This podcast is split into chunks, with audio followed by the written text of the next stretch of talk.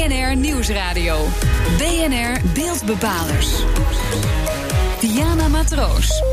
Welkom bij BNR Beeldbepalers, het enige radioprogramma waar het beeld centraal staat en waar we complexe communicatievraagstukken oplossen. Met dit keer. What do you mean?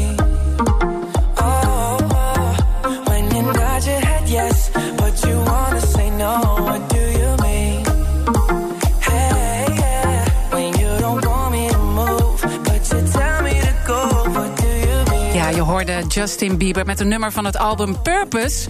En Purpose, daar draait het allemaal om in de bedrijvenwereld. Want als organisatie moet je immers relevant zijn en een maatschappelijk doel nastreven. Anders doe je niet meer mee. Het toverwoord op menig marketingafdeling lijkt dan ook Purpose te zijn. Maar het onderzoek blijkt dat Nederlanders hier sceptisch over zijn. Daarover praat ik met mijn gasten van vandaag. Marjolein de Richter, zij is director bij het communicatieadviesbureau Omnicom PR Group. En onder andere is zij verantwoordelijk voor reputatiemanagement en purpose. En Paul van Kuilenburg, hij is merkstratege bij Alfred Reclamebureau. En verantwoordelijk voor reclames voor verschillende merken, bijvoorbeeld binnen Unilever. Beide welkom. Uh, Marjolein, je hebt natuurlijk onderzoek uh, gedaan naar purpose. En ook hoe Nederlanders uh, daarnaar kijken, de Nederlandse consumenten. Gaan we het zo meteen uitgebreid over hebben. Maar eerst even, jij persoonlijk als consument, merk je dat je er gevoelig voor bent als bedrijven met een purpose bezig zijn? Ja, toch wel. Als een bedrijf iets, als ik iets extra's kan doen door een product te kopen wat een bepaald doel ondersteunt, merk ik dat ik daar echt wel gevoelig voor ben. Ja, Heb je een voorbeeld daarvan? Nou ja, um, een heel bekend voorbeeld is natuurlijk uh, de Tony Chocoloni chocoladereep. Het, heeft, het geeft mij een goed gevoel als ik ook kan bijdragen aan een slaafvrije chocoladeketen. Dus ja, het werkt als marketingtool, maar niet alleen. Oké, okay, daar gaan we het uh, zo meteen over hebben, want dat blijkt ook uit onderzoek wat interessante gegevens. Paul, kan jij het woord purpose nog horen zo langzamerhand? nou, we maken er wel eens een grapje over. Uh, je hoort het inderdaad heel, heel veel en heel vaak. En ik denk dat er heel veel merken zijn, of een aantal merken, die daar heel veel succes mee hebben. Maar ik denk ook dat het voor heel veel merken een soort ja, nieuwe heilige graal lijkt. En dat ze ja, daar misschien een uh, beetje aan voorbij gaan uh, wat ze nou eigenlijk verkopen. Een beetje een modegril is het in Een jou? beetje modegril, een beetje de new way to go. Een beetje een soort one size fits all heilige graal voor succes. Ja. Het is geen heilige graal. Nou, dat is precies ook een beetje waarom wij deze uitzending maken. De zin en ja. onzin van purpose, zullen maar zeggen. Want iedereen heeft het erover. Misschien, uh, Marjolein, voordat we verder de diepte ingaan... toch nog even neerzetten. Purpose, als het gaat om organisaties en bedrijven. Wat is dat dan? Purpose is eigenlijk het omarmen van een maatschappelijk doel als bedrijf. En dan gaat het erom dat dat even belangrijk, of misschien wel belangrijker is dan het maken van winst. Heel veel purposevolle bedrijven omschrijven het doel wat ze nastreven. Dat, uh, ze maken natuurlijk ook winst, maar dat winst is een middel om het doel te nastreven. Dus bijvoorbeeld een bedrijf als Dopper uh, van de waterflesjes. Zij maken hele mooie waterflesjes, daar betaal je een prijs voor, daar maken ze winst mee. Maar dat doen ze omdat ze uh, de plastic soep uh, in de oceaan zou kunnen terugdringen. Dus het einddoel is het maatschappelijk doel en niet alleen het maken van winst. Maar het kan bijvoorbeeld ook zijn dat ze maatschappelijk stelling nemen als het gaat om een bepaalde discussie die speelt. Hè? Het hoeft niet alleen uh, nou ja, dat maatschappelijke doel te zijn, maar ook een stellingname in bepaalde zaken. Ja, dat kan een onderdeel zijn van je purpose-strategie. Dat je ook een stelling neemt over zaken die spelen in de maatschappij. Maar dan is het natuurlijk wel belangrijk dat je zelf ook handelt volgens die opvatting. Ja, en daarom heeft iedereen het er dus nu ook over. En dat is ook precies een beetje, nou ja, als ik het even mag samenvatten, jouw irritatie uh, bij dit punt. Het is toch een beetje een modegril. En het is one uh, size fits all. Uh, ja, precies. We, veel marketeers zijn toch op zoek naar een, een heilige graal voor succes. Ja. We worden op een dag uh, waarschijnlijk belaagd met meer dan uh, 4000 uh, reclameadvertenties. En uh, dat maakt dat, dat marketeers heel erg op zoek zijn naar die ene manier uh, waarop ze het verschil kunnen maken ten opzichte van anderen. En op het moment dat een merk daarin slaagt, dan uh, wordt daar heel erg naar gekeken van waar ligt dat nou aan? En Ja. op het moment dat een purpose merk daarin slaagt, dan wordt dat. Ja, Uitgezocht en dan, dan denken mensen van nou, dat is dus wat we moeten gaan doen. En neigt is- iedereen daarna achteraan te lopen. En is dan uiteindelijk wat erachter zit, het is gewoon niet echt bij sommige bedrijven. Is dat dan dat het een beetje als een marketingtrucje wordt gebruikt? Kijk, uh, er zijn uh, merken die zich oprecht heel goed inzetten voor maatschappelijke thema's. En die dat ook in hun DNA hebben. Die daarop Mhm. zijn ontstaan. Een merk als Dopper vind ik een heel goed uh, voorbeeld. voorbeeld. Uh, maar er zijn ook merken die eigenlijk gewoon vooral heel graag willen communiceren dat ze betrokken zijn bij maatschappelijke thema's, omdat dat het op dit moment goed doet. En dan wordt het gevaarlijk, want dat kan al heel snel onecht gaan voelen. En consumenten die uh, ja. prikken daar nog wel eens doorheen. Dus dan wordt het echt uh, purpose marketing en dat wordt dan een doel op zich. En dat is ook wel een gevaar als bedrijven dat doen. Want iedereen heeft het gevoel opeens, ik moet wat met purpose doen. Want het is natuurlijk allemaal begonnen met Simon Simek, die het had over de why van je bedrijf. En daardoor is bij al die congressen is dat ook allemaal langsgekomen. En iedereen denkt, die moet er wat mee. Maar de consument haakt massaal af als je het op de verkeerde manier gebruikt, toch? Ja, dat klopt. Dat is ook wat we onderzocht hebben. En we hebben consumenten gevraagd van wanneer vind je het nou geloofwaardig als een organisatie iets met purpose doet. En dan blijkt dat het allerbelangrijkste is dat er een heel stevig fundament ligt van acties en beleid. Dat is waar consumenten naar kijken. En ze kijken dus veel minder naar of purpose nou in je DNA zit, in de geschiedenis van je bedrijf, of dat alle medewerkers iets met de purpose doen. Maar het gaat echt over uh, wat is het fundament. Dus, dus dat je het concreet maakt. Want acties en beleid, dan bedoel je van. Dat je dus het door de hele organisatie ondersteunt. Dus uh, niet dat je een campagne doet, zoals Paul net, uh, waar Paul net refereert. Van we hebben even, we doen een klein stukje op maatschappelijk gebied en dan bouwen we een hele campagne overheen. Ja, dat is nou echt purpose marketing. En consumenten prikken daar doorheen, want die kijken verder. Wat doe je meer op dat vlak? Hoe zet je nog meer in om die purpose te verwezenlijken? En als dat alleen maar een campagne is, dan is dat een lege huls. Maar moet, moet dan niet gewoon je bedrijf vanuit basis een purpose hebben? Dus ik bedoel, bij, bij Dopper of bij Tony Chocoloni zit het in de basis. Ja. En als je die basis niet hebt, doe het dan vooral niet. Exact, dat is ook precies wat het is. Kijk, waar het eigenlijk om gaat, als het over purpose gaat, het gaat over vertrouwen. En wat je ziet, vooral bij corporates, uh, vertrouwen is afgenomen doordat de klant minder centraal kwam te staan en dat aandeelhouders heel centraal komen te staan. Eigenlijk wat je nu ziet is een soort vertrouwensbreuk. Purpose kan een antwoord zijn, want het gaat er eigenlijk over dat je laat zien waarvoor je staat. Dat kan je met een purpose laten zien, maar evengoed kan je dat laten zien met waarden. Dus vaak zeggen we ook tegen klanten: wat zijn eigenlijk je waarden? En misschien zou je die eerst eens moeten gaan communiceren voordat je helemaal gaat toeleggen op een purpose. Ja, en dat moet gewoon uh, kloppen. Want heb jij misschien een voorbeeld waaraan je ziet: uh, dit klopt niet? Dit is een leuke purpose, maar het klopt niet. Nou, het is natuurlijk altijd heel makkelijk om, uh, om heel kritisch uh, te zijn. Uh, nee, maar dat moet ook soms. Ja, ja het, het, het, moet ook soms. Nou, laat ik in elk geval aangeven hoe het kan overkomen op, op consumenten. Ik las recent iets over lingerieketen Livera, ja. die nu een, um, een campagne heeft lopen met Reveal Beauty. En dat, dat draait heel erg om hun, dat ze er zijn voor vrouwen van alle maten. Dus niet alleen graadmagere modellen, maar gewoon voor iedereen. Ja. Beetje maar, zoals dus dat ook doet. Een beetje zoals Dolf dat ook doet, inderdaad. Dat, dat lijkt er inderdaad nogal op. Maar nou, daar kun je overheen stappen. Mm -hmm. uh, maar wat nu naar buiten kwam, dat was dat op het moment dat je op een webshop komt, uh, dat daar vervolgens wel allemaal graadmagere modellen worden afgebeeld. Ah, nou, ja, ja, ja, en dan, uh, kijk ik kan niet kijken hoe het er bij die organisatie aan toe gaat. Maar dan voelt het naar de consument toe in elk geval makkelijk als een, als een reclametrucje. Heb je zelf ook wel zo'n fout gemaakt? Want ik, Livera is vast niet van jou. Uh, Livera is inderdaad. nee. Een, uh, maar heb je zelf ook wel eens dat je dat een beetje hebt onderschat? Want uh, ik, heb, ik heb ook een aantal artikelen gelezen van Kees Klomp, die ook echt wel naar reclamemakers een soort uh, nou ja, vegen uit de pan geeft. Van mm -hmm. reclamemakers maken deze fout ook vaak.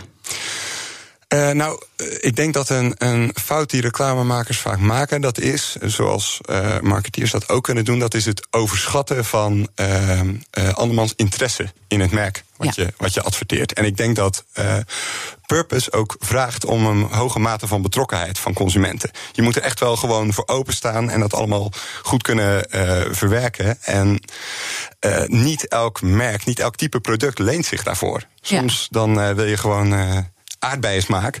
En dan kun je wel een heel mooi verhaal gaan houden over je, je betrokkenheid bij uh, het milieu. Maar dan, uh, dan denkt die consument, joh, daar ben ik helemaal niet mee bezig. Nee, want, want je doet veel merken voor Unilever, onder andere Sun vaatwastabletten. Ja, Daar inderdaad. kan je niet echt een purpose aan hangen, toch? Uh, dat dat um, zou ik niet aanraden. In, nee. in, in de zin dat dat nog wel eens wil gebeuren. Kijk, um, bij Unilever staat purpose hoog op, op de agenda. Unilever heeft ook een aantal mooie merken natuurlijk natuurlijk binnen het portfolio. Uh, die echte purpose brands zijn. Denk aan Ben Jerry's, denk aan de vegetarische slager.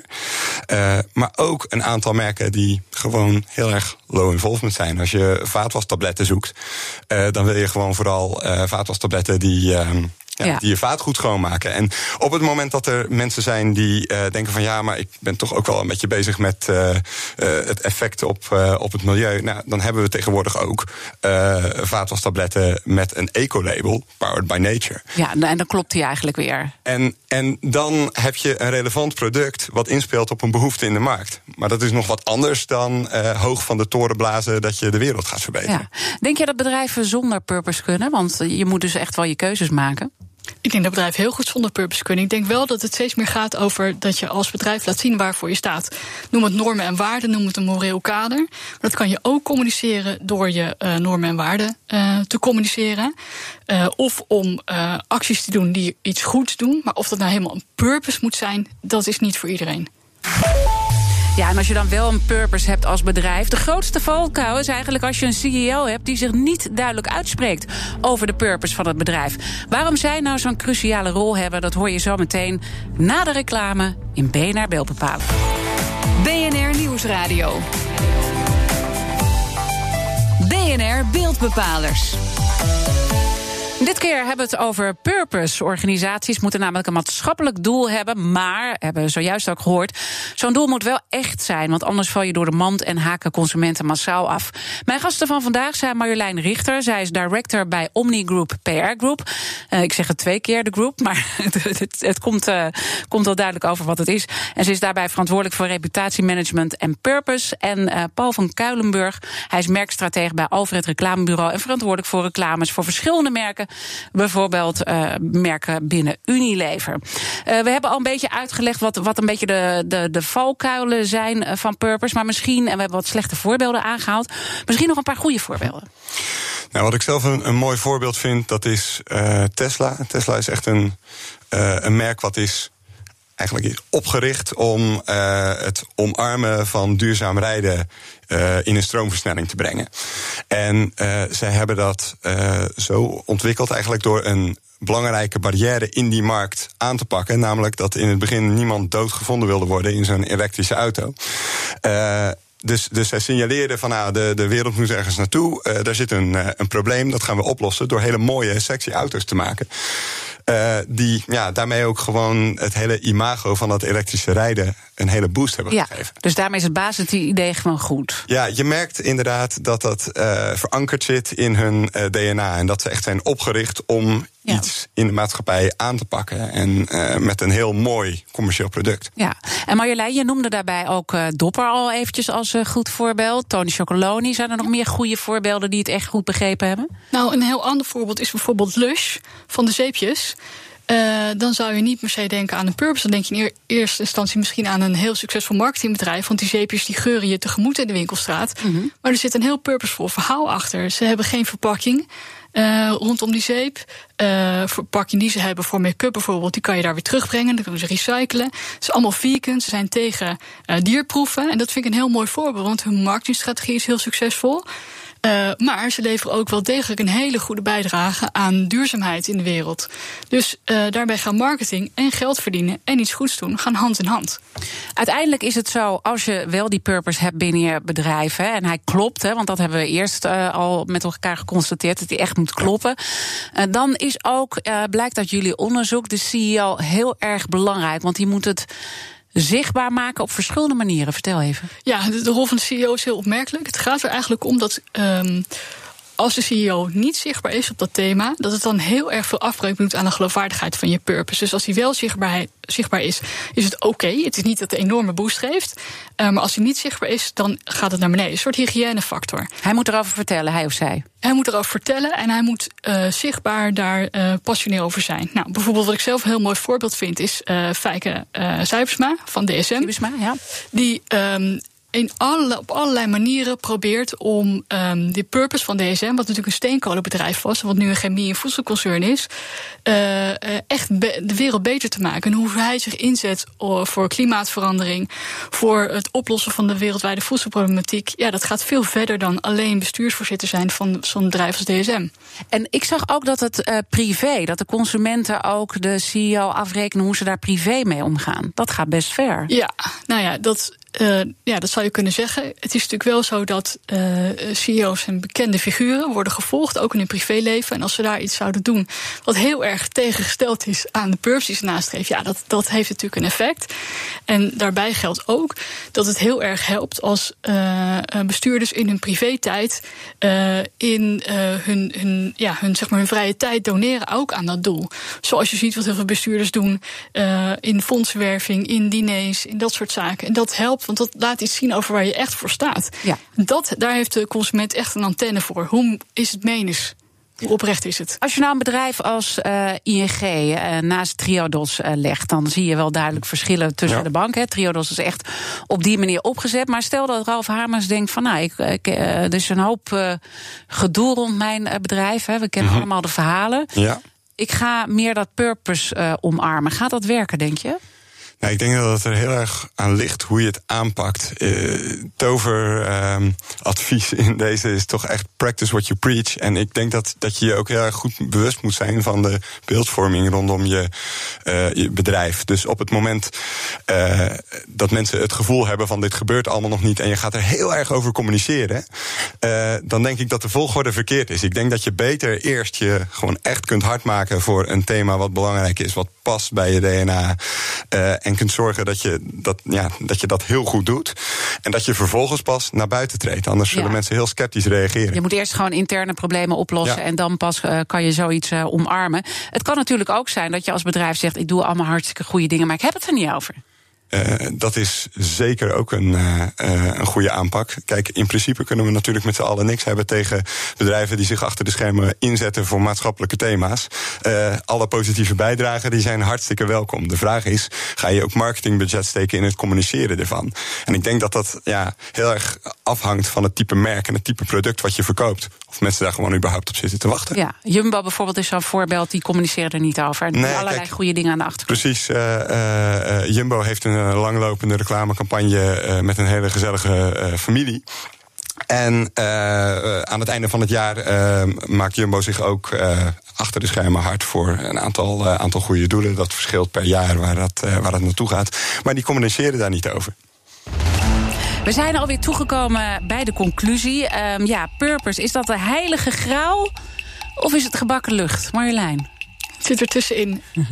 Het gaat erover, uh, het zal in de toekomst alleen maar toenemen dat je als organisatie moet laten zien waarvoor je staat. En soms kan purpose een antwoord zijn, maar minimaal is het om um, te laten zien welke normen en waarden je hanteert en hoe je je werk doet. Transparantie zal alleen maar gaan toenemen. Dus we zien, uh, zullen meer purpose gaan zien in de toekomst, maar niet voor iedereen. Uh, purpose is geen one-size-fits-all oplossing. Voor sommige merken kan het heel goed werken. Merken die het purpose in hun DNA hebben.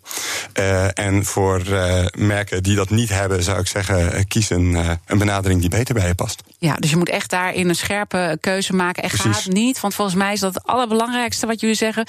Het is een toverwoord als, op de marketingafdeling.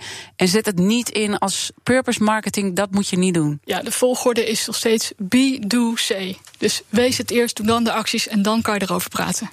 Practice what you preach. De beeldbepaler van de week. Tijd voor de beeldbepaler van de week. En we bekijken altijd wie het uh, de, deze week het beeld bepaalde. En bij ons aangeschoven is redacteur Connor Klerks. Vertel.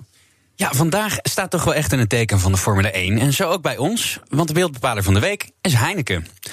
Heineken is wereldwijd bierpartner van de Formule 1 en titelsponsor van een aantal races. En vandaag is officieel bekendgemaakt dat Formule 1 terugkomt naar Zandvoort. En dat is na 35 jaar. De race gaat de Formule 1 Heineken Dutch Grand Prix heten. En na races in China, Italië en Mexico zijn ze dus nu ook in Duitsland titelsponsor. Michel van Grunsven is sportmarketeer bij Triple Double. En hij denkt dat Heineken dit geen windeigen gaat leggen. De Heineken Dutch Grand Prix, dat is de kerst op de taart voor Heineken. Dat betekent dat zij twee weken eigenlijk heel Nederland groen kunnen kleuren. Dat alles draait om de Grand Prix. En dat is eigenlijk de bekroning van hun strategie om Formule 1 te gebruiken. Uh, voor merkbekendheid, maar ook om duidelijk te maken dat drinken en rijden niet samen gaat. Ja, en daarmee doelt hij uh, natuurlijk op die borden boven de races, hè, don't drink and drive. En misschien ook al een klein beetje op het feit dat ze die 0.0, die alcoholvrije Heineken, Ah, zo ja. stevig in de markt zetten. Ja, Heineken heeft in elk geval grote plannen voor de Grand Prix. Ze beloven in elk geval spectaculaire afterparties. Paul, wordt dit, uh, denk jij, een enorm succesverhaal voor Heineken of zie jij nog beren op de weg? Uh, ik denk dat dit een, uh, een heel fijn verhaal wordt voor, voor Heineken. met name ook omdat de 0.0-markt een groeimarkt is, Heineken daar een heel goed relevant product in heeft. En het moeilijker is om bier met alcohol erin te verkopen rondom rijden dan, dan bier zonder alcohol. Daarnaast zijn het allebei merken waar veel aspiratie in zit. Dus denk ik dat het een hele goede match is. Oké, okay, en niets meer wat, wat uh, in de weg kan staan, de beren op de weg? Beren op de weg. Of is het gewoon een succesverhaal, gewoon heel handig gedaan? When you drink, never drive is een recente campagne van ze. En uh, ik denk dat uh, op het moment dat je er actief over gaat communiceren... dat de kwaliteit van de executie dat die ook heel belangrijk is. Ja. En ik, uh, ik denk dat die recente campagne daar een goed voorbeeld van is... hoe het Ja. goed uit kan pakken. En een purpose kunnen we hier niet echt van maken, hè? Dat gaat Nee, wat het is natuurlijk fantastisch dat ze 0.0 bier op deze manier eh, aandacht geven en laten zien dat dat de way to go is als je moet rijden. Het veel zal ook afhangen hoe ze dat dan doen op dat event. Hoe ver ze dat 0.0, die 0.0 boodschap echt goed naar voren brengen. Maar of het echt een purpose is, Nee, toch? Nee, goed. Uh, ik wil jullie hartelijk danken natuurlijk, redacteur Connor Klerks. En dank aan mijn gasten Marjolein Richter. Zij is director bij het communicatieadviesbureau Omnicom PR Group. En verantwoordelijk voor reputatiemanagement en purpose, waar we dus deze uitzending over hadden. En Paul van Kuilenburg, merkstrateeg bij Alfred Reclamebureau. En verantwoordelijk voor reclames voor verschillende merken, bijvoorbeeld die binnen Unilever. Dit was BNR Beeldbepalers. Terugluisteren kan via de site, de app, iTunes of Spotify. Mijn naam is Diana Matroos. Heel graag tot volgende week.